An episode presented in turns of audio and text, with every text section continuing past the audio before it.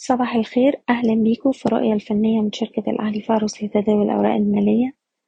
أربعة يناير عشرين تلاتة وعشرين.